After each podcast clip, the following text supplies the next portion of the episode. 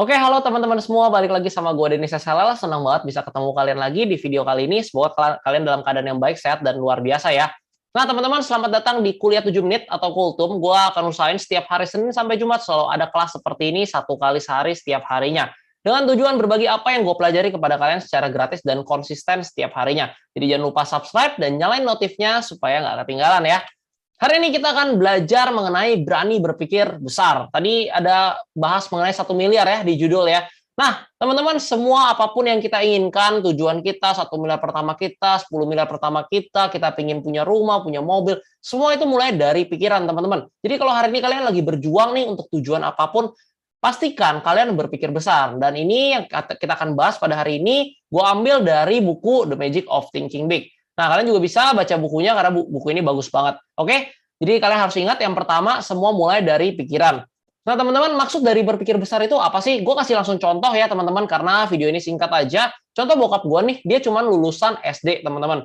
Nah, pas remaja, dia bisa berpikir dalam dua hal. Yang pertama, gue cuma lulusan SD nih, kayaknya nggak bakal bisa deh jadi orang hebat, orang nggak berpendidikan. Tapi dia bisa berpikir dengan cara berpikir yang kedua gue cuma lulusan SD, tapi gue tetap bisa jadi pengusaha. Karena banyak juga kok pengusaha sukses yang nggak sekolah tinggi. Nah ini adalah contoh berpikir besar, teman-teman. Jadi berpikir besar itu maksudnya kita mengarah ke sesuatu yang positif. Jadi kalau misalnya kita lagi ikut lomba, kita lagi berjuang dalam karir kita atau apa pun, kita berpikir sesuatu yang besar, teman-teman. Karena level berpikir ini, ini akan menentukan kita akan jadi seperti apa nantinya. Nah, misalnya nih ya, kalau kalian nih ya, nggak berpikir besar ya, artinya kan kalian nggak percaya dengan kemampuan kalian. Kalau kalian aja nggak bisa percaya dengan diri kalian sendiri, gimana dunia mau percaya? Gimana orang lain mau percaya? Misalnya contoh, ini gue jualan baju misalnya. Gue jual baju ini harganya misalnya 200 ribu. Tapi dalam pikiran gue, kayaknya kemahalan deh. Kayaknya nggak worth it deh. Kayaknya 200 ribu nggak sesuai deh dengan kualitas yang seperti ini. Nah, artinya apa? Gue nggak mungkin bisa jual bajunya dengan laku. Kenapa? Karena gue sendiri aja nggak percaya baju ini dengan harga 200 ribu. Nah, tapi ketika kalian percaya, kalian berasa, oh baju ini kayaknya 200 ribu murah ya, malah harusnya bisa 300-400 ribu. Nah, di sana ketika kalian berpikir bisa, baru orang lain bisa terima. Intinya kalau diri kalian sendiri aja nggak bisa berpikir yang positif terhadap diri kalian, apalagi orang lain, apalagi bos kalian, apalagi calon partner kalian, apalagi calon mentor kalian. Perlu teman-teman benar-benar pertimbangkan ya, jangan sampai teman-teman menjadi rendah diri, berasa bahwa saya nggak bisa, gue nggak bisa, dan lain-lain, akhirnya jadi nggak bisa eksekusi sesuatu hal yang memang penting.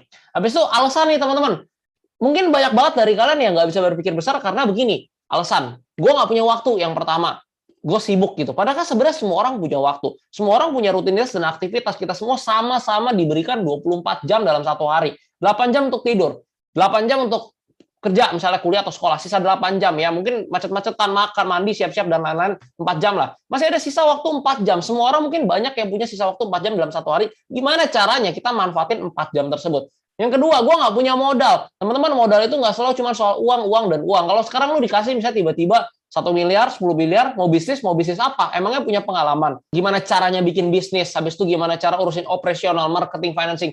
Belum ada juga kan? Jadi modal itu nggak selalu cuma soal uang, uang, dan uang. Tapi modal tenaga, modal waktu ketika kalian masih muda, modal uh, teman, modal partner, modal mentor. Itu modal tuh banyak banget bentuknya. Yang ketiga, gue nggak lahir di keluarga uh, yang berada atau di keluarga kaya atau privilege. Teman-teman, dan yang terakhir juga gue nggak berpendidikan. Nah, kalau misalnya kita nggak lahir di keluarga kaya, kita nggak punya modal ya, atau misalnya nggak berpendidikan karena orang tua juga kurang mampu. Teman-teman, itu adalah hal eksternal yang kita nggak bisa kontrol. Kita nggak bisa pilih kita lahir di keluarga yang mana. Tapi kalian bisa fokus dengan hal-hal internal yang bisa kalian kontrol. Kalian mulai belajar, kalian mulai berjuang, kalian mulai improve, tingkatin skill kalian, dan kalian mulai jual skill kalian, mulai dapetin income.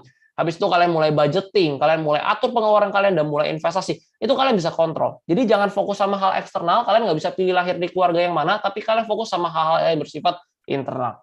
Oke, kita lanjut. Kalau kalian takut berpikir besar, mungkin kalian takut mulai karena kalian takut gagal gitu. Nanti kalau misalnya gue gagal gimana ya? Kata orang tua gue gimana ya? Kata orang lain gimana ya? Akhirnya kalian takut gagal, kalian takut dihina, kalian takut nggak berhasil, kalian jadi nggak mulai-mulai. Padahal ketika kalian gagal dalam satu hal, kalian nggak berarti gagal dalam kehidupan. Gagal itu merupakan sesuatu yang biasa. Semua orang sukses pasti, pasti pernah mengalami kegagalan. Cuman mulai dari sekarang, coba deh, kalian jangan selalu pikirkan gagal, gagal, dan gagal. Jadi ada dua skenario. Kalau kalian lakuin sesuatu dan itu berhasil, ya udah kalian berhasil berarti dalam sesuatu itu. Tapi ketika kalian gagal, itu artinya kalian adalah belajar. Jadi kalian dapetin pengalaman baru, kalian tahu gagalnya karena apa, nanti ke next ketika kalian lakuin sesuatu lagi, kalian udah tahu nih, oh ternyata salahnya gue di sini, jadi gue nggak ulangin lagi. Jadi kalian dapet ilmu baru dan kalian belajar. Oke, jadi ketika kalian mulai sesuatu, berpikirlah besar, nggak usah takut gagal. Kalau gagal sama dengan belajar. Sampai sini paham? Kita lanjut langsung kesimpulan video ini benar-benar singkat, semoga bisa bermanfaat dengan kalian. Yang pertama, gagal adalah belajar. Jadi jangan pernah takut belajar, yang penting kalian mulai aja dulu. Yang kedua, berani berpikir kalian ingin menjadi seperti apa. Pikiran kalian tuh sangat menentukan. Kalau kalian berpikir, ah kayaknya gue cuma bisa jadi uh, mungkin admin atau sales. Ya udah kalian bakal menuju ke sana. Apa pun yang kalian lakukan akan menuju ke sana. Tapi ketika kalian berpikir kayaknya gue bakal bisa deh menjadi seorang manajer atau direktur. Yang kalian lakukan pun akan menuju ke sana. Kalian akan berjuang untuk mendapatkan sesuatu yang kalian inginkan. Jadi mulailah dari pikiran karena mulai dari pikiran itu yang akan mempengaruhi tindakan kita atau apa yang kita lakukan dan tindakan kita yang akan mempengaruhi hasilnya. Jadi kalau misalnya pikirannya udah jelek, tindakannya jelek, hasilnya pasti jelek. Tapi kalau pikirannya positif, pikirannya besar, tindakannya positif, tindakannya besar, hasilnya pun akan positif dan akan baik. Kalian berpikir bahwa hari ini, aduh, bad day ini hari-hari yang kurang baik. Akhirnya apa? Kalian jadi menjadi hari yang nggak baik juga. Kalian jadi malas-malasan dan lain-lain. Tapi ketika kalian bangun pagi udah berasa, hari ini hari yang baik nih, gue mau begini, gue mau improve skill gue, gue mau belajar hal baru. Akhirnya hari itu pun menjadi hari yang baik. Oke, teman-teman semua, semoga kuliah eh, 7 menit ini, Kultum Senin sampai Jumat ini bisa bermanfaat untuk kalian semua. Support gue dengan cara like, komen, dan share ke teman kalian. Tag gue di Instagram Story. Jangan lupa subscribe dan nyalain loncengnya biar nggak ketinggalan kelas-kelas berikutnya. Sukses terus dan sehat selalu untuk teman-teman semua. Thank you udah dengerin episode kali ini. Kalau kalian suka, follow Instagram kita di @podcast.dimentorin. Kalau ada kritik dan saran juga, feel free buat DM kita di IG yang tadi @podcast.dimentorin. Kalau pengen lihat versi videonya lengkap dengan PowerPoint, langsung cek channel YouTube-nya Dennis SLL. Thank you.